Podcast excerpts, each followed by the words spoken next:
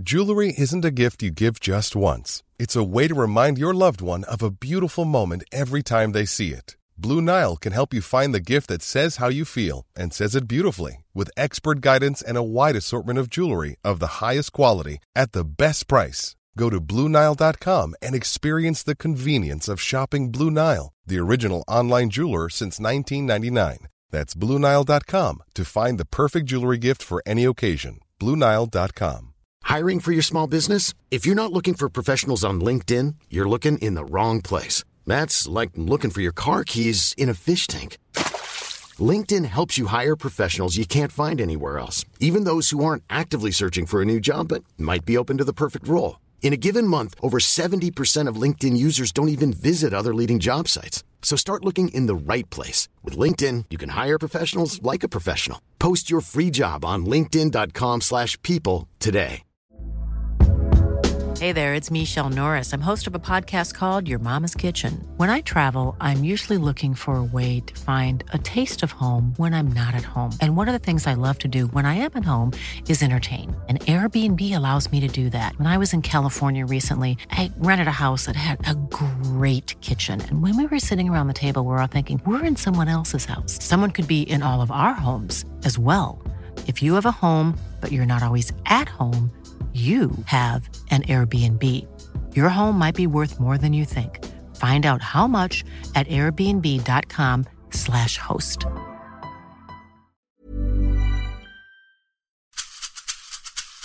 Katrin Lövberg är styrelseordförande i Lövbergs. Och hon föddes in i ett av Nordens största familjeägda kafferosterier som nu drivs i tredje och fjärde generationen. Så här kommer vi få ta del av Katrins resa, där det faktiskt inte var helt självklart för henne att hon skulle verka inom bolaget och gå i sin pappas fotspår, utan hon valde först en helt annan karriärväg som började inom bank och finanssektorn i Sverige och i Luxemburg och sen också några år på Icon Media Lab innan det slutligen ändå ledde henne till att verka inom familjeföretaget. Det här blir ett samtal som kommer att handla om starka värderingar, men också om hur det inte alltid har varit så lätt att ha samma efternamn som varumärket. Men framförallt ett samtal om hur man ska tänka för att få ett familjeföretag att blomstra och leva vidare genom generationer och samtidigt göra gott. Jag som programledare heter Eva Ekedal och innan vi startar vill jag tacka min samarbetspartner, fackförbundet Unionen, som gör det möjligt att sända Karriärpodden. En podd med kvinnliga ledare och förebilder.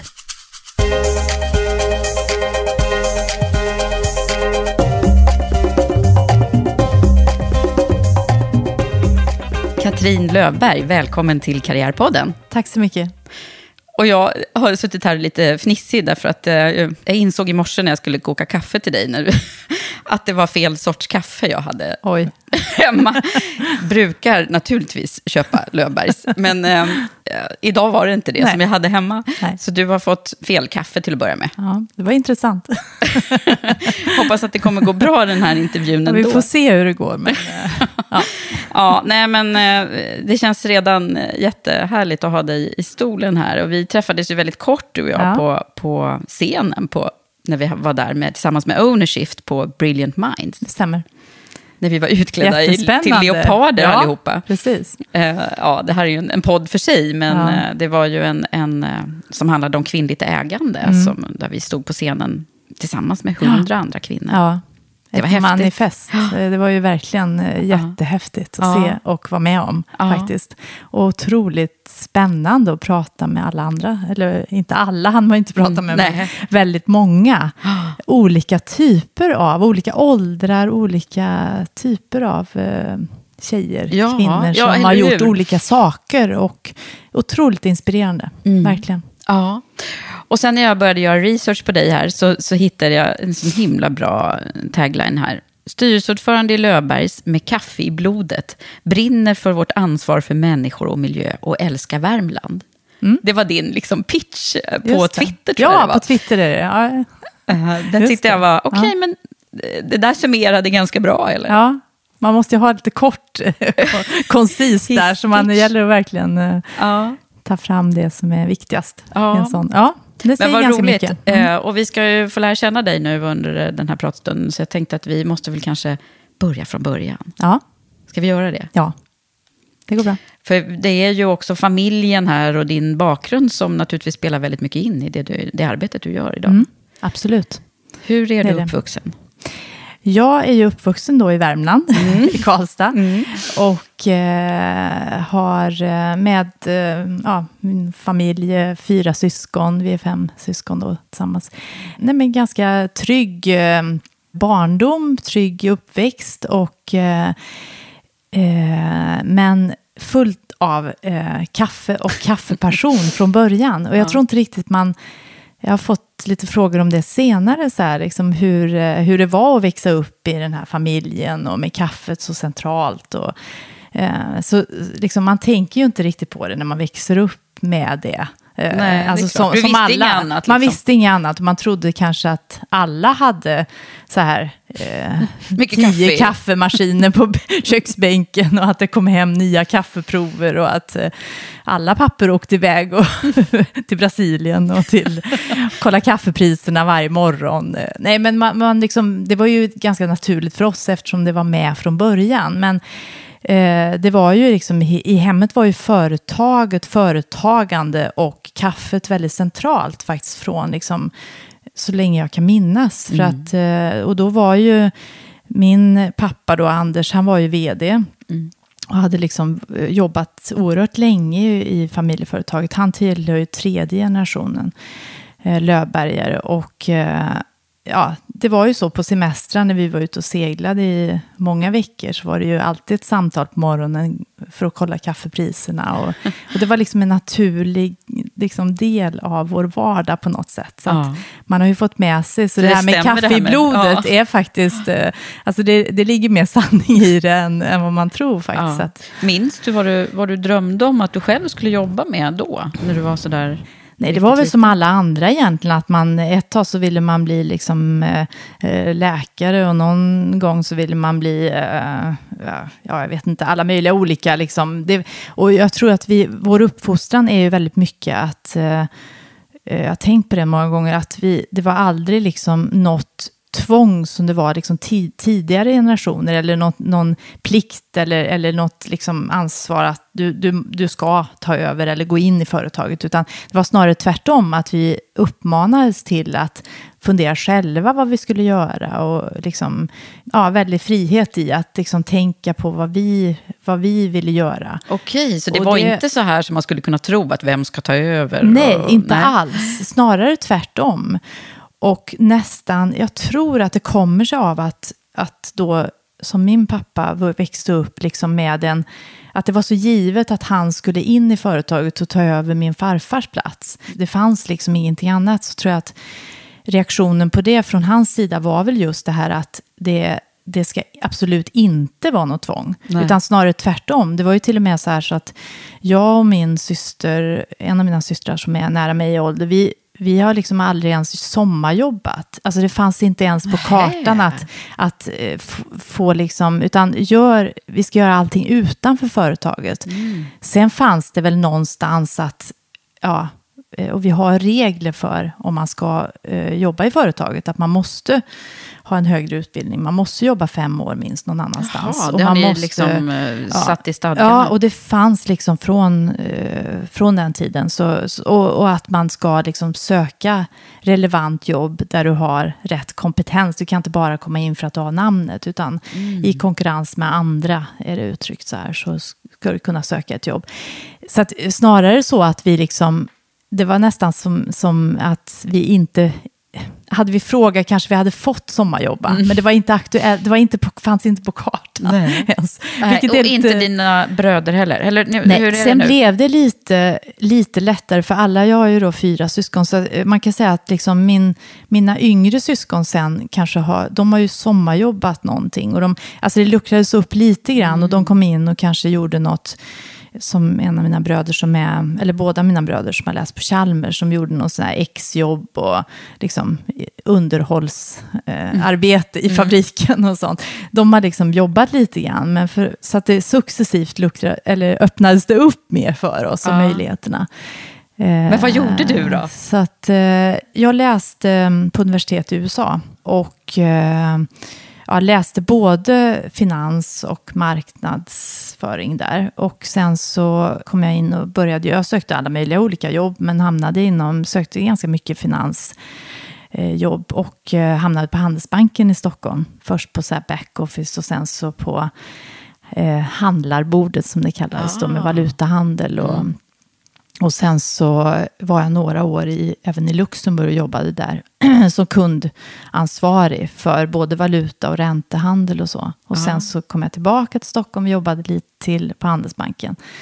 Så det var ju en, en, en helt annan, Ja, ja, förstås, Ja, karriären. verkligen. Fast någonting som jag har väldigt stor nytta av, Ja, självklart, idag. verkligen. Som, man har ju nytta av att göra olika saker, självklart. Mm. Men sen så, så kände jag väl det att det här är inte min grej för livet med finans. Och ganska tråkigt. Alltså, det var inte liksom det jag brann för alls. Utan på något sätt hade man liksom ramlat in i det, som många gör. Det var många som sökte sig till finans Mm. och banker och så vidare. Så man hamnade där. Och, Och det var lite eh, det var ju- inne på den ja, tiden, var det inte det? jätteinne. Det var ju liksom eh, Yuppie-tiden, var det inte- 90-talet. Ja, ja, visst, absolut. Nej, men det var ju det, jätteinne. kan vara, det är kanske inte alla som känner till det, men, det, Nej, men det var det. kallades mobiltelefonerna för. Ja, precis. Nej, men det var ju den eran Mm. verkligen.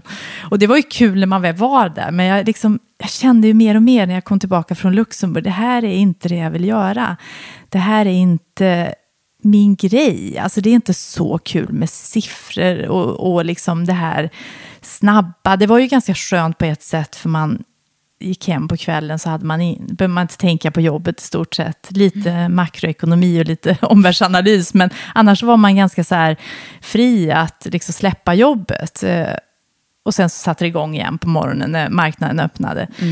Så på det sättet var det skönt, men det var ju liksom inte min grej för livet kände jag. Och jag- då tog jag faktiskt en, en ordentlig break. Jag liksom var ledig i fem månader och liksom funderade på vad jag skulle Ja. göra. Var det någon, någonting som hade Och- föranlett det? Eller nej, var det bara- egentligen var det mer jag som kände att nej, men jag måste... Och jag, när jag var i det här jobbet, som det ofta är när man är inne i ett jobb som är liksom intensivt på dagarna, du, du hinner ju inte med riktigt att tänka och fundera, eh, liksom, ta Nej. tag i och söka andra jobb. Så att, för Det var är ju ett dilemma för många. Ja. Alltså, det, är, det är nästan det är ett heltidsjobb. Och, Ja, verkligen. Och det var ju lite sommar och det var ju lite så här så att jag kunde förlänga det. Och jag var väl lite orolig först. Vad ska jag, liksom, jag måste ju sysselsätta mig med någonting sen. Och, men det var ganska bra att få den här liksom ordentliga pausen.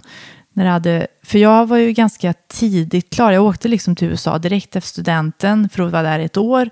Och så blev jag kvar, var klar när folk knappt hade börjat läsa i Lund eller Uppsala. Eller, Ja, det och det är liksom, jag var ganska ung, eh, så jag kände väl det. Jag, jag kan nog unna mig liksom att ta den här tiden nu och verkligen tänka till. Och då, sen hamnade jag på Ikon Media Lab och var i den eran då, efter finansera. Och eh, var liksom i den här internet... eh, Det var ju värsta, coolaste Ja. bolaget under, Ja. under den här eh, IT-bubblan som vi ju pratar om. Ja. Vi som jobbade rätt mycket med den. Ja. Jag satt och rekryterade då, eh, både till och ifrån de här bolagen. Ja. Det var en väldigt spännande tid. Det var otroligt spännande och jag jobbade ju där i kanske nästan tre år. Men under den liksom positiva, roliga perioden kan man säga. Jag, jag slapp ju vara med Du- om den aha, här. för lämnade jag innan. lämnade faktiskt eh, när, innan det blev, liksom, det innan, det gick, Mm. ja, innan alla krascher och det gick ner väldigt mycket Mm. och folk blev av med jobbet. Och, förlorade pengar och jobb. Och liksom, För många hade ju investerat i de här bolagen. Mm. Det Och- var ju ja. en väldigt Ja. turbulent tid. Men hur, hur gick det till? Du lärde känna Johan. Ja, Johan Stahl från Norrstein lärde jag känna i Luxemburg, för då jobbade han inom Kinnevik-koncernen. Så att det var ju genom det som jag fick kontakt sen. Mm. Och liksom kom in i den här, för det, jag hade ju ingen liksom, IT-bakgrund. till eh, Ikon Media Lab är det Men jag tror liksom rekryteringarna gjordes väl väldigt mycket utifrån så här, personer. Mm. Sen om du skulle liksom sitta och koda och göra det, men det fanns ju väldigt mycket olika roller man kunde ta. Och jag jobbade med affärsutveckling ganska länge och sen så jobbade jag med som projektledare. Och, liksom, och det var ju också en, en väldigt lärorik period, det här med att um, liksom många unga som hade liksom det här som sitt första jobb. De hade suttit liksom och kodat eh, och, och höll på med, med liksom, de bitarna nere i någon källare. Eller bara, och helt plötsligt fick de betalt för det och liksom kunde de levde väldigt mycket på jobbet. Folk sov över och det var Ja. liksom helt... eh, Det Coca-Cola-burkar och Ja. fram, bak och framvända kepsar. och, det eh, var, och det var väldigt svårt då att vara, alltså är du projektledare så var, var man ju liksom chef för en liten grupp där på något sätt. Och då skulle man liksom få folk att vara där ungefär samtidigt på dagen. Eh, till exempel, bara en sån sak att liksom ha respekt för ändå att vi måste vara här några timmar tillsammans. Vi kan inte liksom välja helt fritt. När vi, för det var väldigt mycket frihet under ansvar på något sätt, hela den kulturen. Det ansvar du vill kunde du ta på dig, men du måste leverera på det. Och det var väldigt mycket så frihet när det gällde tider och när det gällde... Alltså det var en total kontrast mellan Handelsbanken till Icon Media Lab. Eh, Verkligen. och det var också en väldigt bra liksom, erfarenhet att se de här olika kulturerna som det finns. Det är ju bara två extremer, det finns ju massa andra varianter på kultur. Men och jag tror att man kan ta med sig jättemycket bra saker från Handelsbanken och den världen och den kulturen. Och man kan ta med sig väldigt mycket bra saker. Så jag har försökt att tänka, liksom, vad är bra här och vad är bra på Icon? Ja, vad, och, vad och är liksom, det för nycklar som du har tagit med dig? Nej, då? men jag tror att liksom Handelsbanken och i och för sig liksom bankvärlden i sig är ju väldigt så här struktur, ordning och reda. Men just Handelsbanken har ju också en, en ganska, eh, liksom väldigt mycket med kostnadsmedvetenhet. Och man skrev upp varenda penna man tog. Och man, men det är, liksom, det är hela så här kulturen där på något sätt. Att det är väldigt lite, ja det blir lite liksom kontroll och eh, en kultur som är väldigt mycket eh, att du kan ta egna beslut ute på kontoren och sånt var det ju väldigt mycket och är fortfarande liksom väldigt delegerat så. Men det var en väldig struktur eh, som var ganska så här, nyttig och, och bra att ha med sig. Och det här med kostnadsmedvetenheten har man ju alltid nytta av och en väldigt stark sån kultur. Och sen liksom när man kom till Ikon så var det en fantastisk personalpolitik ändå. Just det här frihetstänket. Att, och att människor verkligen fick möjlighet att ta på sig kanske lite större ansvar än vad man först trodde att man kunde och så vidare. Men folk kunde ju verkligen utvecklas och växa. Och det fanns världens möjligheter att göra det om du bara ville eh, och tog på dig det här. Så att, eh, och just det här med att tänket att det ska vara väldigt roligt på jobbet. Att det ska vara liksom, du, du behöver lite runt omkring också. Och det är ganska bra med de här sociala delarna som var väldigt mycket där. Ja. Med allt från after work till frukostar till liksom, inte bara en, en kaffemaskin eller en liksom, utan verkligen så här lounger och olika miljöer internt. Det var liksom ett brainstorming-rum där och var ganska tidiga på det här. Mm, På det som- kreativa Ja. sättet att jobba. Verkligen. Så jag tänker när du berättar om det nu så, så tänker jag att det var ju verkligen en, en viktig grej det där egentligen Mm. i om man tittar på ledarskapskulturen och, och, eller kultur Ja. i företag överhuvudtaget. Att Ja. de satt, gick ju egentligen i bräschen för att Ja. och, och, och bryta liksom Ja. den traditionella liksom korridors... Eh, eh, traditionella sättet att Och väldigt- ha kultur. på något sätt osvenskt, om man säger. Eh, just det här att man också hade en väldigt tro på att vi ska liksom förändra världen på något Mm. sätt. Och vi kan, och vi är bäst i Sverige på det här. Vad hände sen då? Du, du Nej, men slutade sen innan så, det sen, kraschade? eh, Ja, och det, det var att jag, jag började liksom fundera så här, jag skulle gärna vilja åka utomlands igen och göra någonting. Liksom. Nu har jag varit här ett tag, lite rastlös. Och, och då, Är du eh, rastlös? Nej, men lite att jag vill att det ska hända, lite, det hända nya saker. Liksom. Det, är väl, det är väl så. Eh, och, och just det här att jag redan hade erfarenhet både från studierna och USA. Jag hade bott i Luxemburg ett tag, så kände jag så här, nej men nu vill jag ju iväg igen. Och så var det på gång några, något jobb inom Ikon då, i London och så här. Och så blev inte det. Det var, det var ju liksom var och varannan vecka var det omorganisationer eftersom det var så mycket folk som kom in och så vidare. Så blev inte det och så blev inte det. Och samtidigt då så hade, hade jag, när jag, började på, när jag, när jag jobbade på Ikon så, så började jag faktiskt i styrelsen på Löfbergs. Eh, som en första, det var liksom mitt första så här, kliv in. Eh, och jag hade ju under några år då blivit mer och mer insatt och började tycka att nej, men det här är ju väldigt spännande och kul och liksom, ja, jag lärde mig massor och det gav. Så jag blev ju liksom mer nära företaget, att det inte bara var så här från min pappa eller någonstans på avstånd, utan och då det här märkte väl min pappa. Att jag, att jag liksom blev mer engagerad, mm. frågade mer och var, var mer involverad. Och då eh, fick jag några olika jobberbjudanden från honom i, mm. med olika roller i företaget som, som passade. Och jag var väl inte riktigt så här intresserad. Jag trodde, vid den tidpunkten kan jag säga, eller innan det, så jag var aldrig liksom helt övertygad om att jag skulle börja jobba i familjeföretaget. Jag, det, det är liksom någonstans i bakhus så fanns väl liksom den möjligheten någonstans. Men jag hade liksom, hade någon frågat mig Ska du jobba där? Nej, nej hade jag sagt. Alltså, ja, det, det, det, var, det var inte riktigt med, för jag var så otroligt inne i det jag gjorde mm. hela tiden. Mm. Då dök det upp att vi skulle titta på en, att uh, starta ett dotterbolag i Norge. Det var liksom det första dotterbolaget för Löfbergs utomlands. Och eh, det lät ju, Norge var inte så jättelångt bort, men mm. det lät ju ändå så här, ja men det är rätt spännande, jag kanske skulle testa det och hoppa på det. Så jag sa upp mig och åkte till Norge. Mm. Eh, och eh, drog igång vårt första ah. dotterbolag där. Mm. Tillsammans med, då hade en säljare varit där och rekat lite först och hade lite liksom, kontakter och så. Och eh, då, och, och ganska kort därefter så kunde jag ju känna det att varför har jag inte gjort det tidigare? Ah. Hur gammal var du då? För då? det var 30 någonting måste jag ha varit. För jag jobbade ju tio år på andra ställen. Ah. Ja, det här var ju 99, just det, 99. Mm. Så att, um, eh, 31.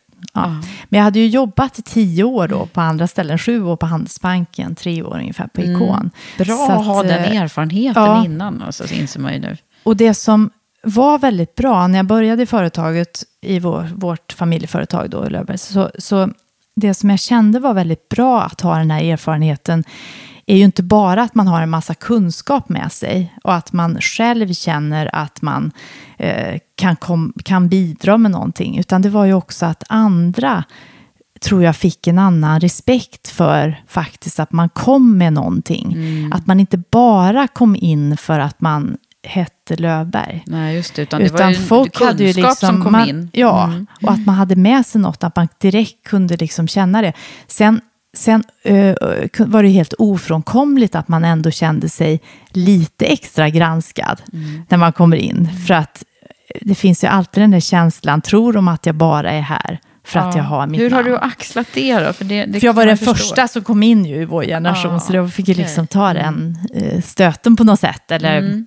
Nej, men det var väl bara att bevisa sig, kunde ja. jag känna. Tror du att, att du liksom, har fått bevisa dig liksom mer än, än om du inte hade hetat det efternamn? Ja, det tror jag faktiskt. Ja. Mm. En annan erfarenhet som är väldigt bra tror jag, det är ju att man också fick erfarenhet de här, under de här tio åren av att vara liksom, så att säga, en vanlig anställd. För att även om sen när jag jobbade i Löfbergs i olika roller och i det operativa, så liksom, dagligen så såg ju jag mig och, och, de yngre speciellt som en av kollegorna. Eller man var ju liksom, men man, man, det vore naivt att tro att man var en av kollegorna som vem som helst. Alltså mm. att man, man är ju inte en vanlig anställd. Någonstans så vet ju folk att man är också en av ägarna. Mm. Och särskilt den äldre generationen. Och vi har ju många i Löfberg som har jobbat ganska länge. Ja. Eller hade då i alla fall. Nu det, har det väl skett en, en generationsväxling där. Men, men just att um, man har ju en väldig respekt för ägarna då. På ett annat sätt kanske än man sett tidigare generationer. Och, och på något sätt så, det är ju vissa saker som man aldrig är med på. Eller får höra. Ja, det alltså, är så. Ja. Det är så. Mm, det är ju bara att konstatera. Och därför var det ganska bra att man, liksom, man har varit liksom en anställd i ett annat företag och, och liksom fått erfarenhet av hur det är. Mm, och, liksom och så kunde du se det. skillnaderna då. Vad var det du inte nu kunde ja, liksom ta och del liksom, av på samma man, sätt? man vet på något sätt att, eh, för även om, om man själv inte, även om man själv försöker se sig som en av de andra medarbetarna och så vidare. Så eftersom de andra inte i alla lägen gör det så är det ju bara att inse att man är lite så här privilegierad i vissa mm, lägen. Mm. Fast man inte själv skapar det, utan andra skapar det. Och då är det ganska bra att veta hur det är att vara liksom en... Hur är det att vara hos oss som, som en vanlig anställd. Ja, liksom. Så att jag tror att den erfarenheten är också väldigt värdefull faktiskt. Ja. Och jag tycker därför att det är väldigt bra att vi har de här reglerna. Det är inte jag som har satt upp dem då, utan de fanns ju tidigare. Men just att vi att, att man ska ha jobbat någon annanstans. Man ska liksom vara konkurrensutsatt. Mm. Ja. Men hur är det nu? Hur många är ni som jobbar i företaget från familjen? Ja, det är egentligen, I det operativa så är det min bror som jobbar som inköpsdirektör, Martin. Mm. Mm. Eh, så att, eh, det är bara en egentligen. Jag, jag är ju arbetande ordförande, så jag är väl lite in, liksom gör vissa saker. Mm. Som är att jag kanske är med på några större kundmöten, leverantörsmöten, mm. eller att jag är med i olika mediesammanhang. Ja. Eller, någonting. eller är ute och presenterar som representerar företaget på det sättet. Men annars så är det ju i det operativa så är det bara en. Och sen så, men alla andra ägare, vi är fem syskon och en kusin då i vår generation. Så vi är sex stycken i fjärde generationen. Mm. Och då, eh, alla är ju engagerade men på olika sätt i olika liksom, styrelseroller och ja, aktiva ägare. Mm. Och det tror ju vi väldigt mycket på. Vi, vi har det uttryckt att man måste vara aktiv ägare för att ja. kunna ta rätt beslut.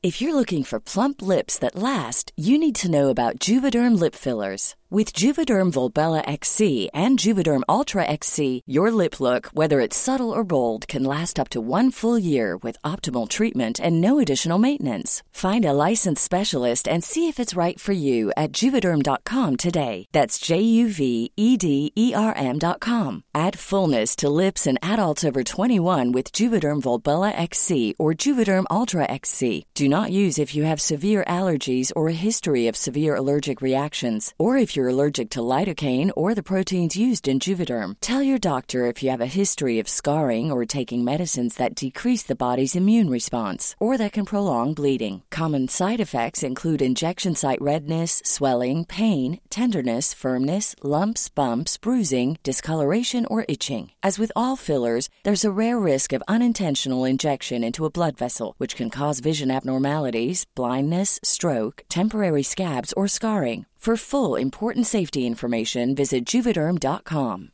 Ready to pop the question? The jewelers at Bluenile.com have got sparkle down to a science with beautiful lab grown diamonds worthy of your most brilliant moments. Their lab grown diamonds are independently graded and guaranteed identical to natural diamonds, and they're ready to ship to your door. Go to Bluenile.com and use promo code LISTEN to get $50 off your purchase of $500 or more. That's code LISTEN at Bluenile.com for $50 off. Bluenile.com code LISTEN. Hiring for your small business? If you're not looking for professionals on LinkedIn, you're looking in the wrong place. That's like looking for your car keys in a fish tank.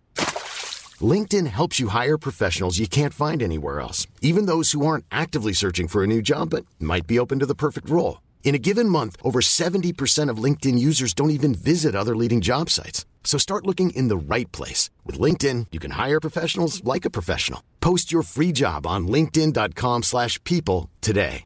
Mom deserves the best, and there's no better place to shop for Mother's Day than Whole Foods Market. They're your destination for unbeatable savings, from premium gifts to show-stopping flowers and irresistible desserts. Start by saving 33% with Prime on all body care and candles. Then get a 15-stem bunch of tulips for just $9.99 each with Prime. Round out Mom's menu with festive rosé, irresistible berry chantilly cake, and more special treats. Come celebrate Mother's Day at Whole Foods Market. Hey, it's Ryan Reynolds, and I'm here with Keith, co star of my upcoming film, If, only in theaters, May 17th. Do you want to tell people the big news? All right, I'll do it. Sign up now and you'll get unlimited for $15 a month in six months of Paramount Plus Essential Plan on us. Mintmobile.com slash switch. Upfront payment of $45 equivalent to $15 per month. Unlimited over 40 gigabytes per month. Face lower speeds. Videos at 480p. Active Mint customers by 531.24 get six months of Paramount Plus Essential Plan. Auto renews after six months. Offer ends May 31st, 2024. Separate Paramount Plus registration required. Terms and conditions apply if rated PG. Vad är det som har varit eh, framgångsfaktorerna då, tror du? Att, mm. att ni har vuxit så mycket. Hur många är mm. ni idag? Och ska vi ta några siffror bara korta, som ja. jag har läst om på ja. hemsidan? Ja. Nej, men vi är ungefär 350 anställda i sex länder och vi är, eh, omsätter ungefär 2 miljarder. Mm. Det är ju, vi har ju egentligen en, en koncern med, där kaffedelen är den största, så personalmässigt, omsättningsmässigt. Men sen har vi också en fastighetsdel och ett mindre Löfberg Invest. Som är ett, okay. eh, så att vi har ju lite olika delar och tänker ju oss att alla tre delarna och kanske det blir andra delar i framtiden liksom ska växa. Så vi har ju en ambition att, eh, Att växa eh, växa. Och vi har Ja. satt upp målsättningar till 2050 som vi har som eh, eh, där vi ska vara tre gånger så stora då från några år Och vilken tillbaka. lång, härlig vision. Eh, 2050, det är ett tag kvar. Men det är Ja. bra att ha långsiktiga planer också.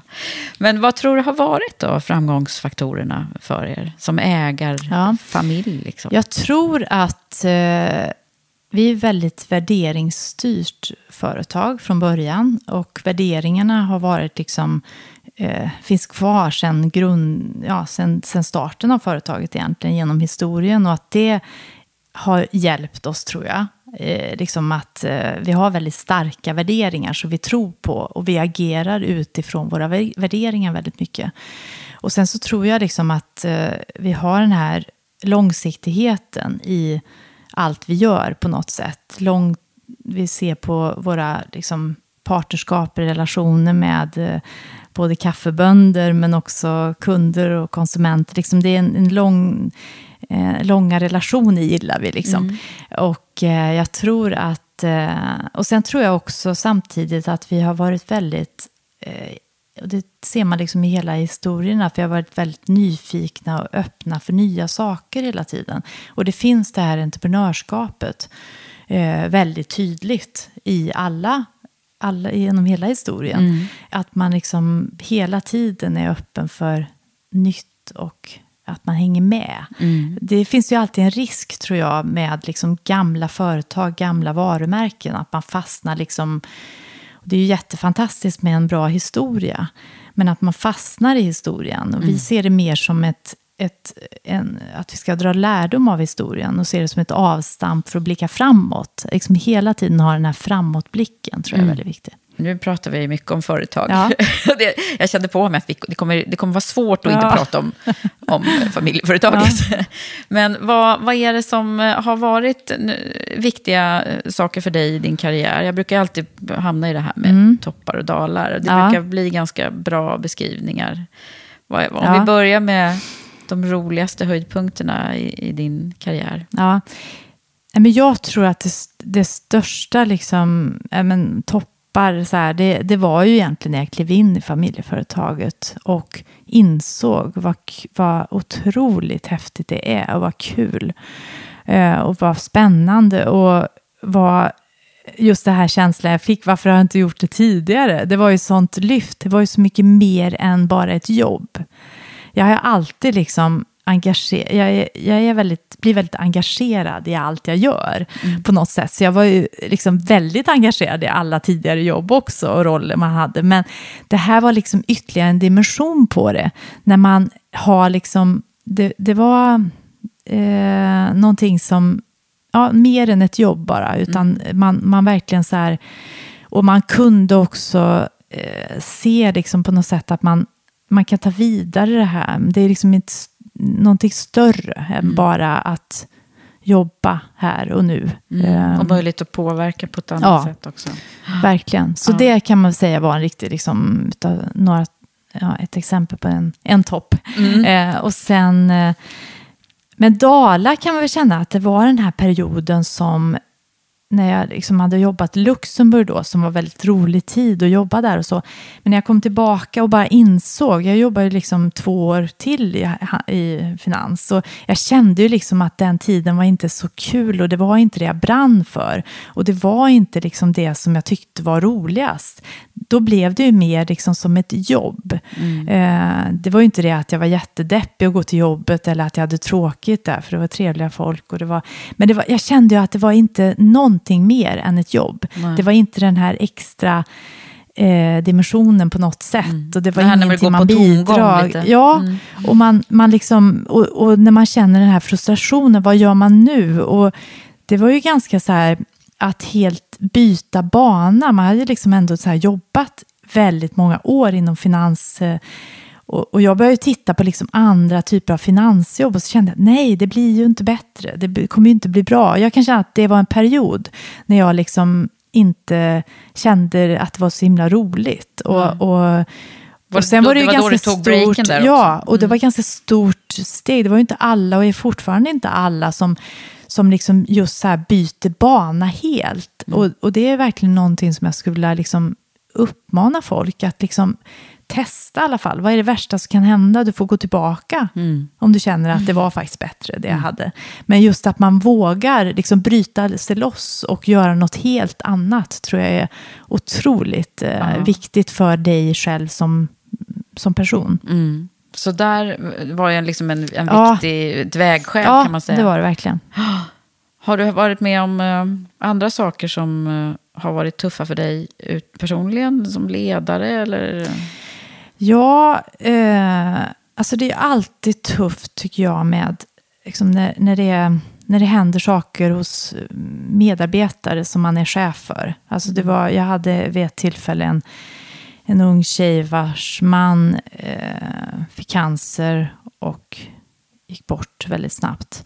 Och eh, hon hade två små barn och liksom hela den perioden, det kan jag känna är så här som man ibland tänker tillbaka på just såna här jobbiga saker. Men allt sånt som rör människor tror jag är väldigt så här, och det är väl lite som, som man är, som jag är som person också, att lika mycket som jag engagerar mig i en, en uppgift, en roll och ett jobb, så blir jag väldigt engagerad i människor och, och bryr mig om, så att jag tar det ganska personligt och engagerar mig väldigt mycket. Så att det var sådana grejer kan jag känna är liksom eh, tuffa. Sen lär man ju sig ganska mycket på det, att när man går igenom sådana saker. Men eh, sånt är ju alltid... Man kanske lär sig hur man, hur man reagerar och så. Ja. Men det är ju svårt att... Ja, det tycker jag jag möter många erfarna ledare. Som, Ja. som, alltså det, det spelar ingen roll. Man, är, man är bara människa och har Ja. känslor i kroppen. Ja. Liksom. Så det, det gör Nej. ont ibland. Ja. När du eh, nu har fått den här rollen, Mm. leder du företaget på, nu är det ju inte du som operativ ledare, Nej. men ändå företaget annorlunda än dina förfäder? Det Ur ett ledarskapsperspektiv. Där, eh, för någon annan att bedöma. Mm. Det är svårt att säga själv, men det tror jag att jag gör faktiskt. Mm. Ehm, men jag tror också att ehm, ehm, det är också en annan omvärld idag som kräver det, ett annat sätt. Jag tror att eh, det är väl lite så man får se det, att det som var då var kanske jättebra just då, men, men det som är nu måste man liksom anpassa sig till dagen och fram, morgondagens värld på något sätt. Och att eh, jag menar, allting går ju mycket, mycket snabbare. Det händer väldigt mycket i vår omvärld. Och jag menar, självklart så påverkas vi som alla andra av eh, allt kring eh, de här Gud, eller som man säger, globalisering, urbanisering och digitalisering. Och sen just eh, intresset också för hållbarhetsfrågorna. Hållbarhetsfrågorna har ju alltid varit med oss på något sätt sedan starten och kopplat till våra värderingar. Men just att, och det har jag jobbat operativt ganska mycket med också just eh, i företaget. Så att det är väl någonting som jag liksom har med mig i sättet. ehm, Så det kanske är ännu jobbar på. tydligare idag? Det är det mycket Mm. tydligare. Jag tror att eh, vi...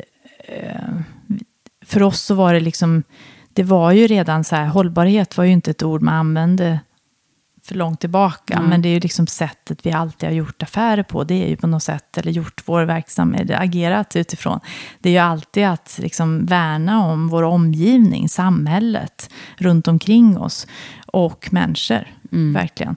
Och, i- men det var ju mera kanske lokalt i början av historien och nu är det både lokalt och globalt. Men, så jag tror att jag, jag är nog en annorlunda typ av ledare än tidigare. Men det är också eh, kopplat väldigt mycket till världen idag, omvärlden. Vi är ju liksom, det är ju inte bara vi själva som påverkar oss, utan det är verkligen så här, man, man är en spelare i stora, stora världen. Men vad tror du har varit de mest betydande delarna för dig för att du är den, den ledare du är idag? Eh, Förutom då Mm. de här bra erfarenheterna som vi har fått höra om nu, som du har skaffat dig genom de här Mm. olika jobbbytena innan. fick du med dig saker från barndomen? Eller vad, vad kan du se? För Mm. det här har präglat mig mest till den jag är idag. Ja, Nej, men jag tror att det är tillbaka till värderingarna faktiskt. Att jag, eh, jag känner att jag, jag själv är väldigt värderingsdriven och, och väldigt liksom att det är på något sätt eh, och mer och mer, ju, ju äldre man blir, mer erfarenhet man får, så kan man också vara mer trygg i ens egna värderingar. Och göra, förlita sig mycket mer på det. Och kanske inte tänka så mycket va, bara vad andra tycker och tänker, utan liksom landa lite mer i vad man står för själv och agera utifrån det. Men det, det tror jag har präglat väldigt mycket. Det här med, jag menar, engagemanget som vi har med oss, att nyfikenheten för nytt, eh, men också det här med ansvarstagande kring liksom, människor och miljö. Och, och sen långsiktigheten, att liksom eh, ändå ha det här långa perspektivet på saker och ting som gör att Ehm, För även om vi lever i en värld som går allt snabbare och vi måste också vara snabba liksom, i många, många, på många sätt. Vi kan inte gömma oss bakom långsiktigheten och säga att det ordnar sig sen. Och vi måste liksom hänga med. Men samtidigt så är det väldigt skönt ändå att kunna ta beslut som man vet är, det är riktigt bra på lång sikt. Det kanske inte syns direkt, men det är ändå så här bra på lång sikt. Att jobba och att man jobbar på det sättet. kort och lång sikt, ja. ja. Så det tror jag. Man har fått med sig mycket sånt, känner jag. Vem är du mest lik av dina föräldrar?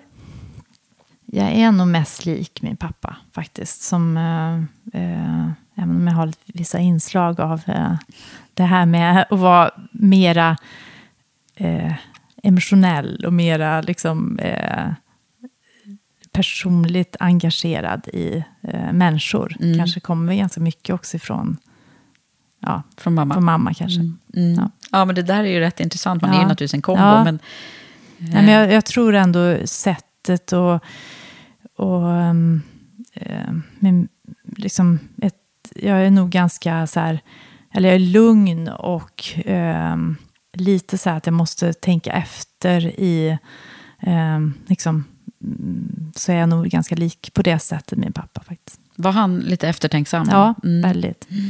Kanske ännu mer än vad jag är. För jag är ganska otålig och ganska så här, eh, att jag vill att det ska hända saker. Men jag, jag, jag, är, jag är inte så snabb på att, eller jag tror på väldigt mycket att reflektera över lite större beslut. Mm. Och det, jag, det är en insikt man får allt eftersom också. Mm. Att man faktiskt kan tillåta sig att tänka till verkligen. Ja, verkligen. Och så är det ju så spännande, så har du barn. Hur Mm. många är det nu? Två barn Två har jag. barn. Mm. Så nu går liksom traditionen vidare Ja. här. Hur, hur, hur kommer det här att... Jo, men det är ju en, en, eh, en utmaning i alla såna här eh, generationsskiften har ju sina utmaningar. Men det är klart att vi, eh, om man tittar historiskt så har det liksom gått från en ägare. Eh, ja, det var ju tre grundare från början som lämnade över till en. Eh, men det var ändå en entreprenör från början som höll i kaffedelen, min farfars far, och så lämnade jag över till farfar som eh, också var en väldigt entreprenör, bestämde allt, gjorde, liksom, det var en röst. Som lämnade över till syskon, en sk- syskonskara, min pappa och hans två syskon. Och, och det är inte så enkelt att eh, just det här att man, man går från att vara uppfostrad av en som bestämmer allt och en, en liksom, till att helt plötsligt så ska man Var några fler som... vara några fler och komma överens och bestämma ihop. Och. Sen var ju min pappa den som tog över vederskapet och liksom jobbade här operativt i företaget. Men, men det är ändå liksom andra utmaningar kan man säga. Och där var det ju så att ena grenen där, den ena familjen då, systern till min pappa, eh, den, del, den, de, den familjen sålde sin del så att det blev liksom två kvar. Och det är väl väldigt typiskt att det, att det händer just i tredje generationen brukar man prata Okej. om. att eh, eh, Och i värsta fall så är det ju så att hela företaget säljs. Så det är väldigt mycket familjeföretag som, som försvinner just under det här. Och det tror jag har med väldigt mycket att göra med det här med att det är liksom olika förutsättningar. Och man kanske inte alltid pratar om dem heller. Så, utan man bara förväntas att det ska funka. Så vi har ju jobbat ganska mycket med den frågan. Vi är ju liksom en kusingeneration. Vi är fem, fem syskon och en kusin då.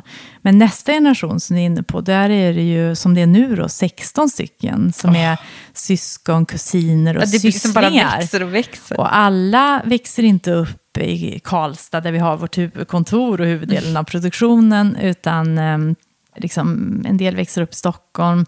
Och har inte föräldrar som arbetar i verksamheten och så. Så det är klart att man, eh, och där måste vi ju jobba väldigt mycket på nu, att försöka få, liksom, hur får man då den här passionen för kaffet, framför allt, eh, som är grunden för allting, eller det huvud, huvudsakliga vi håller på med.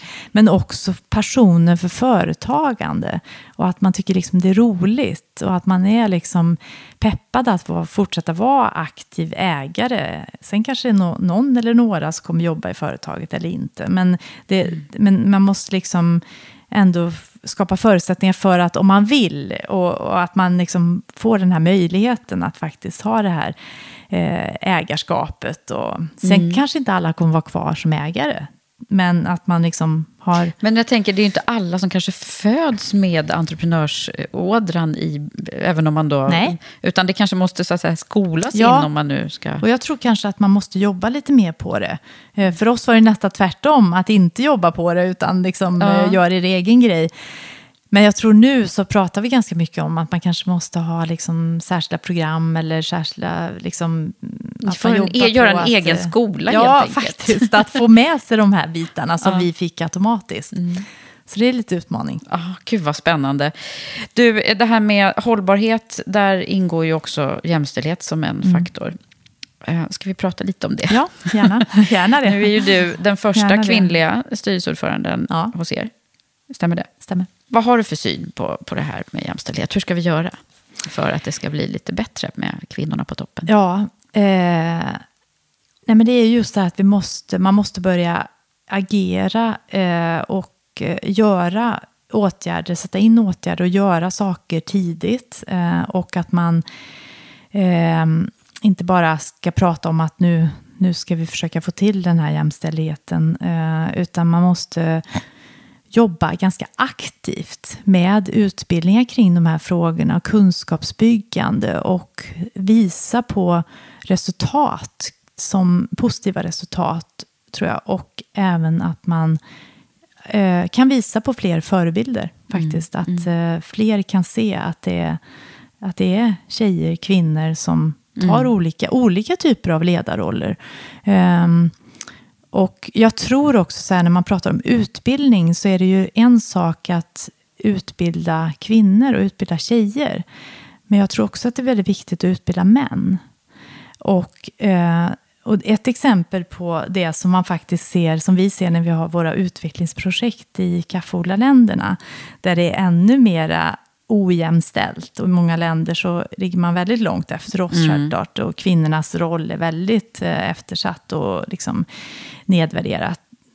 Eh, och där gör vi mycket. När vi har de här programmen och särskilda initiativ kring jämställdhet så är det utbild gemensamma utbildningar för kvinnor och män tillsammans.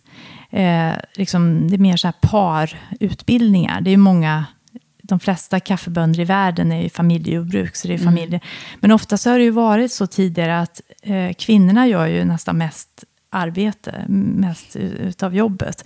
Men det har alltid varit männen som äger marken, tar hand om pengarna, eller tar hand om, det är kanske inte mm. alltid de gör så väl heller, men man ser att både det att när, när båda utbildas så får det fantastiska resultat. För att det blir liksom, för det första så kan de eh, tjäna mer i slutändan på något sätt. För att de liksom kan få ut mer av eh, allt de gör och jobbar ihop. Det blir ett team, mm. liksom. man jobbar tillsammans. Då det blir mer effektivt man, eh, arbete. Man, man, mm. Ja, och man kan liksom eh, utveckla sin verksamhet tillsammans, sin lilla eh, odling och så vidare. Mm. Men man kan också eh, bli bättre på vad pengarna används till. Så att det går verkligen till liksom, bättre boende, bättre eh, mat, bättre utbildning för barnen. Mm. Alltså det, det, blir en annan struktur på allting. Men jag tror, så det är liksom väldigt lyckat i, i de sammanhangen. Men jag tror också även i vår del av världen. Så det är väldigt viktigt att man utbildar eh, män också. Att man liksom pratar med männen. För att det spelar ingen roll hur mycket vi liksom utbildar och peppar och eh, liksom driver tjejer. Mm. För att om det finns ett, en struktur där, där inte tjejer släpps in, eller en, en kultur där man eh, liksom inte kommer på tal, eller... Alltså det, det, Mm, man måste öka händer medvetenheten. Inget. Då händer inget. Och jag tror att man i, i, näringslivet så kan man på många olika sätt vara med och påverka sitt eget företag, självklart. Som vi, vi har en liksom talangpool, eller vad man ska säga, en talanggrupp som vi liksom, eh, plockar upp massa olika personer. Det ska vara minst 50% tjejer, 50% killar. Och ehm, det är väl liksom ett sätt i företaget. Vi har också startat faktiskt någonting som heter inkluderingsambassadörer som ska vara lite såna här extra Mhm. intresserade personer i företaget. Som ska, Ja. Det är precis nystartat, så det Aha. eh, kan jag inte prata så mycket om Nej. än, men det är väldigt eh, lyckat de här första träffarna. Och, och då är det ju inkluderingsambassadörer, då är det lite bredare också, där man tänker på lite mer mångfald och Mm. liksom olika kulturer och att man får in liksom folk, inte bara kön och, Nej. och liksom Nej, kvinnor, män, utan hela mångfald. Mm. Men, men eh, också att man kan påverka som i olika samarbeten man har eller sponsorskap och sånt. Och det, där tror jag det finns väldigt mycket mer att göra. För att tidigare så har sådana samarbeten kanske varit mer så här, ja men du har logotyper och det är liksom, du har eh, ja, gamla, gamla traditionella typer av samarbete. Men som vi har ju varit länge sponsor i hockey Jag tänkte och just att det Färjestad. skulle komma upp. Så att, eh, eh, och där har vi gjort, eh, för där finns det ju väldigt machokultur. Mm, Och jag menar alla sådana här miljöer, alla sådana tror jag liksom påverkar samhället i stort. Så att någonstans får man ju liksom, man får jobba på alla olika fronter i alla sammanhang. Mm. Och då har vi haft så här killmiddag med hela liksom hockeylag, hela organisationen som bara är män. Eh, nu har det kommit in en kvinna efter det, men, eh, men just att, och, och så var det en, en moderator med som har jobbat mycket med jämställdhetsfrågor och liksom pratar och lyfter de här, liksom, vad är det för egentligen, är det någon som vill ha den här kulturen? Och, och det var en, jag var ju inte där, jag, för det var, då var det bara killar som, eh, som möttes på den här middagen, men det var otroligt, jag har fått så mycket respons efteråt, både för de som var med och de som har läst om det och hört om det och fått en debatt kring det. Och, och det här är ju liksom att, och de, de här är ju också förebilder för yngre killar och tjejer, men mest killar då som spelar hockey eh, i det här sammanhanget. Och de kan ju, liksom, om det finns en speciell attityd, kultur, machokultur, där så sipprar det ner. Och jag tror liksom sådana här saker gör ju sen även i näringslivet att det liksom hänger, hänger med. Det är så Ehm. intressant. Jag, tror, du är, jag är verkligen med dig i det här. Eh, man Vi säger ju så här att vårt, eh, vår ambition är ju att byta namn om några år. Ja. Alltså, för det är ju inte så att vi eh, bara Women for Leaders då, alltså, utan eh, vi vill ju att männen ska förstå liksom vin, vinsten Ja. av det här. Jag hade ju Victoria Saxby här i podden för några veckor Ja. sedan. Det är ett bra avsnitt också. Ja. Som, hon har ju skrivit en bok som heter Den nya mannen.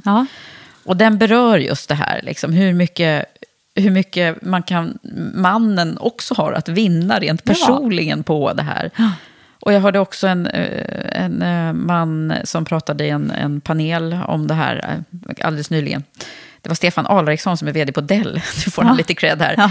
Som verkligen kunde liksom på ett väldigt personligt och känslomässigt sätt förklara vad det har betytt för honom och hur lätt det är att och liksom komma på sig själv i de här situationerna när man faller in i den Mm. Ja. gamla kulturen. Men att man på något sätt måste ha lite så här kompass på sig själv. Och det är så bra när män delar det här. För att eh, ja, vi har ju upptäckt det när vi står ute och, och, och föreläser för män. Ja. När vi då är två kvinnor. Ja. Det, blir, det är något som inte riktigt blir bra. Nej, för det blir nej. som att vi är på något sätt arga på dem. Och det är vi ju inte. Vi Nej. vill ju liksom bara att, hallå, vi- vi, ska bli, vi ska bara bli likvärdiga. Ja. Och tänka på ett bra sätt. För det är ju så att vi kvinnor har ju också en massa omedvetna föreställningar som, Ja. som vi måste ha styr på. Absolut, och, och jag tror att eh, det är ju inte bra, alltså det, här- det är inte bra i de miljöerna där det bara är kvinnor heller, där det liksom är kanske en man eller, alltså det, det, jag tror ju på den här mixen är ju allra bäst. Mm. Ja. Så att då är det ju verkligen ett samarbete och en syn på det, att det är det som är det bästa. Mm. Och det som kom fram ur den här paneldebatten, nu Ja. börjar jag prata här, men det, det, Ja. det som kom fram ur den här paneldebatten, det var ju också att eh, den här machokulturen, det är ju jättemånga män som heller inte trivs Nej. riktigt i den. Det kanske var det du Ja, det, eh, det, det har jag faktiskt där. erfarenhet av just när jag jobbade då på banken på eh, valutabordet, på golvet. som man sa, på Mm. golvet där när man eh, valutahandel. Då var jag första tjej, eh, enda tjejen där en period. Och det var ju liksom alla killarna som satt vid det bordet i stort sett, alla spelade innebandy ihop, bastade ihop, de liksom, och det var samma snack tror jag som det var typ i bastun vid bordet sen. Och jag kände mig så liksom utanför det här. Alltså, jag ville ju, man ville ju inte vara med, men det var ju liksom ingen som tog hänsyn till mig för jag var där själv. Sen kom det in en ytterligare tjej. Då lugnade det ner sig lite grann. Då blev man, de tyckte det var lite så här pinsamt, man kan ju inte slänga ur sig vad som helst. Och sen, eh, eh, sen var det ytterligare en tjej som kom in och då var det liksom nästan en helt annan Ja. miljö. Så jag tror att, och, och då var det faktiskt killar som kom fram till mig efteråt och sa så här, liksom, gud vad mycket bättre stämning det är här nu, vad skönt det är. Att det var inte alla killar som gillade den här liksom, eh, Tuffa. tuffa liksom lite så här, nej men dåliga skämt och den här machokulturen liksom som är bara så här, det är ju inte, som säger, det är ju inte så att alla killar vill ha det så heller. Nej. Men det liksom triggas av varandra och man kan ju inte då, det är ingen som vill säga emot det. Så jag tror att liksom, männen uppskattar ju också säkert när det blir en annan balans. Ja, verkligen. annan- Jag tror att vi, vi är på det här eh, på många Ja. olika sätt nu. Så det, och det är superroligt att höra det ni gör. Vi pratar ju alltid om det moderna ledarskapet. Så Ja. nu, nu måste vi komma till det. För Ja. jag ställer ju alltid den frågan till alla mina gäster. Ja, Det är så intressant att höra. ja. Eh, när vi säger det så menar vi, vad är det som kommer att krävas i framtiden, Mm. tror du, mer för typet av ledarskap än det vi har idag? Jag tror att det kommer fortsätta vara, och kanske bli ännu mer viktigt det här med värderingsstyrt ledarskap. Att man verkligen liksom, eh, det är värderingarna som styr. Det är liksom sunda värderingar och schyssta värderingar som liksom, eh, är viktigt. Sen så tror jag att det är väldigt viktigt att vara eh, tydlig och att våga vara ledare. Att liksom inte, att inte tycka så här att nej men, eh, det här med konsensus och att alla liksom på något sätt ska vara på samma nivå, att ingen vågar ta, inte ens ledaren egentligen vågar ta beslut och så vidare. Jag tror det är väldigt viktigt att vara tydlig och vara liksom en, våga vara en ledare. Jag vet att Maud Olofsson sa det, vid, jag lyssnade på henne vid ett tillfälle, där hon sa att det är så otroligt kul att eller det är så otroligt spännande och inspirerande och bra att ha makt. Jag gillar att ha makt, sa hon. Och makt kan ju vara ett sånt där ord som man känner så här, kan man säga det verkligen, att det är kul att ha makt? Och det låter lite så här för, för mycket. Men, men att, eh, att det är ju faktiskt det som man måste liksom gilla att vara ledare och man måste liksom stå för det och kunna ta beslut och vara tydlig. Jag tror alla mår väldigt bra av det. Sen tror jag att det är väldigt viktigt att man, att man låter andra som, som, eh, att man låter andra växa och att man liksom kan lita på andra människor runt omkring sig. Och um, så mycket som händer just nu i världen så snabbt så gäller det att man är om man säger agil eller att man är lyhörd för att eh, ta in nytt, nytt som jag har varit inne på tidigare. Att, att man också som ledare inte tror att man att man har allas, all, all, alla sanningar själv. Och att man, utan man, man liksom lever med omvärlden. Och att man inser att man måste hela tiden, även som ledare, lära sig nytt hela tiden. Alltså att man utvecklas hela tiden. Man trodde ju när man var yngre på något sätt att man gjorde en utbildning eller tog ett jobb och så, och så var man liksom fullärd på något sätt. Att man, eh, men att man att man liksom inser det, att man hela tiden måste utvecklas som ledare också. Eh, för att hänga med. Och särskilt nu i den här tiden, att man verkligen är öppen för att liksom, och anpassa sig till liksom, nya förutsättningar, tror jag. Ja, bra där. Det är ju eh, också intressant utifrån ett styrelseperspektiv, tycker jag. det där. Mm. Ja. Alltså, där eh, har jag förstått att vi behöver göra lite Ja. på, på, på den sidan. Men du, nu känner jag att vi håller på och kan prata hur länge som helst du och jag. Ja. Men jag har en fråga till ifrån Ja. min samarbetspartner Unionen. Ja. Som jag också skickar med. Och de skräddarsyr en fråga varje gång. Så du ska få en fråga det här som de är nyfikna på hur du svarar på. Som handlar om lönegapet. Mm. Eh, lönegapet mellan män och kvinnor finns ju till viss del kvar. Vad har du för tips och saker du sagt eller hört som gett den duktiga kvinnan ett ordentligt lönepåslag? Mm. Vad är en, en eh, specialsydd fråga? Ja. Eh, jag tänker på det här att män eh, har ju en väldigt, de flesta män kan man säga, tror på sig själva och pratar ju ofta om vad de kan, men framför allt också vad de liksom tror sig kunna framöver. Eh, så att de tar, man tar gärna i lite grann. Och medan kvinnor är ganska mycket så här, jag kan det här. Man pratar ju inte om vad man skulle kunna kanske längre fram eller vad man skulle kunna utvecklas. Eller, liksom, utan man säger, jag kan det här, det är jag 100% säker på, så därför landar jag i det här.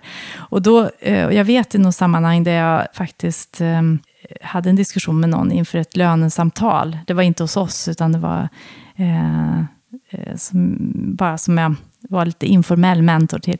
Eh, som, som vi skulle ha ett lönesamtal och som jag sa liksom att tänk inte bara på så här, här är jag nu och liksom, eh, det här gör jag nu, utan verkligen liksom ta i och, och liksom utgå ifrån vad potentialen är hos dig. Och, och det är ju inte frågan om att man ska överdriva eller hitta på någonting, utan det är ju bara så här att man tänker lite mer än här och nu. Och jag tror tjejer är väldigt mycket att man berättar vad man kan, 100 procent.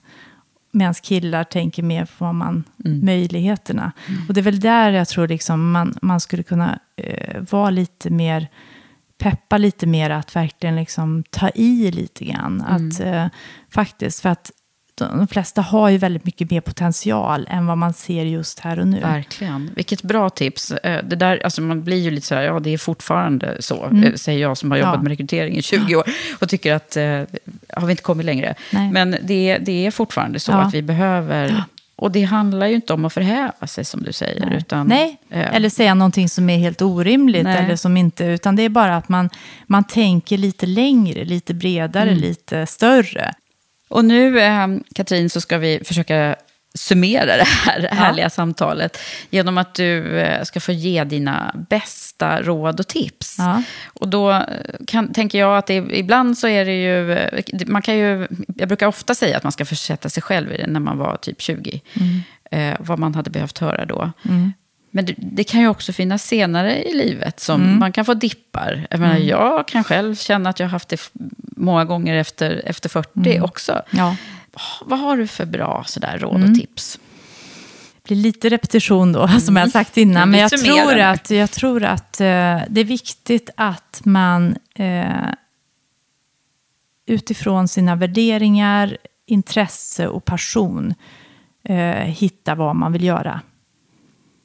Det tror jag är verkligen en sån här eh, nyckel till att du ska eh, hitta balans i livet, trivas, bli lycklig eh, och kunna åstadkomma någonting också. För det man är intresserad av och gillar, det gör man ofta bra. Eh, jag skulle också vilja säga att man litar på sin intuition.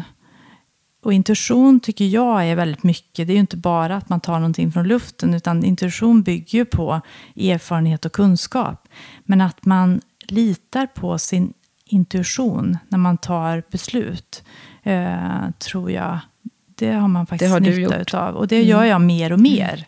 Eh, det är någonting man konstant måste jobba på, men, Mm. men att man verkligen känner sig mer och mer trygg i det, Mm. ju äldre man blir. Och sen skulle jag vilja säga också, som jag har, eh, försöker eh, hela tiden jobba på, det är att se verkligheten som den är. Och inte som du vill att den ska vara. Ehm, Okej, vill du utveckla den lite? Ja, det, jag, jag tror att ehm, man gärna liksom bedömer och analyserar och tittar på en situation utifrån ofta hur man kanske skulle vilja att det var. Än att man ser liksom, "Mm, det här är faktiskt så det ser ut nu. Det kan ju vara ett problem eh, utmaning, men det kan också vara en möjlighet som skapas. Och jag tror att man, det är ju svårt, det är ju jättesvårt, för alla har ju sin världsbild och sin mm. sanning på något sätt utifrån mm. bakgrund och så vidare. Men jag tror att man, om man har det liksom mindset på någonting så, så blir det lättare att agera bättre och ta bättre beslut om man faktiskt ser hur det verkligen ser ut. Mm. Det är väldigt lätt att liksom lägga på massa filter och liksom tro att eh, ja, man vill så gärna att det ska se ut på ett speciellt, speciellt sätt, så man nästan tar beslut utifrån det. Mm. Men att man backar ibland och tänker så här, men hur är det verkligen det ser ut? Eller att man också pratar med andra då för att få andra mm. syn på Just en situation. Det. Mm. det är också väldigt viktigt i den, liksom, för att skapa den här ordentliga bilden. Riktigt, riktigt, så det är en liksom. mer liksom, realistisk ja, syn som du pratar det tror jag. om? Ja. Åh, vad roligt att du har varit med här hos mig, Katrin uppskattar det här samtalet jättemycket. Tack så mycket, det var jättekul. Tack till dig som har lyssnat. Det är så roligt att så många hittat till oss på Women for Leaders och Karriärpodden. Och om du gillar det vi gör, gå gärna in och stjärnmarkera och kommentera i iTunes. Och om du vill veta mer om oss, besök gärna womenforleaders.com. Har du sett att vi också har startat en ny Facebookgrupp? Den heter Karriärkvinnor Paying It Forward. Där kan du också gå med. Till sist vill jag rikta ett tack till Unionen som verkar för ett jämställt näringsliv för alla. Läs mer på unionenopinion.se eller följ Unionen Sverige i sociala medier.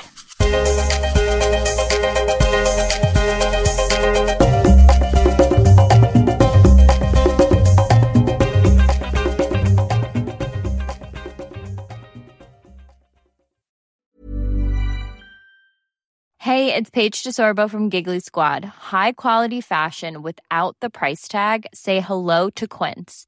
I'm snagging high-end essentials like cozy cashmere sweaters, sleek leather jackets, fine jewelry, and so much more. With Quince being 50 to 80% less than similar brands.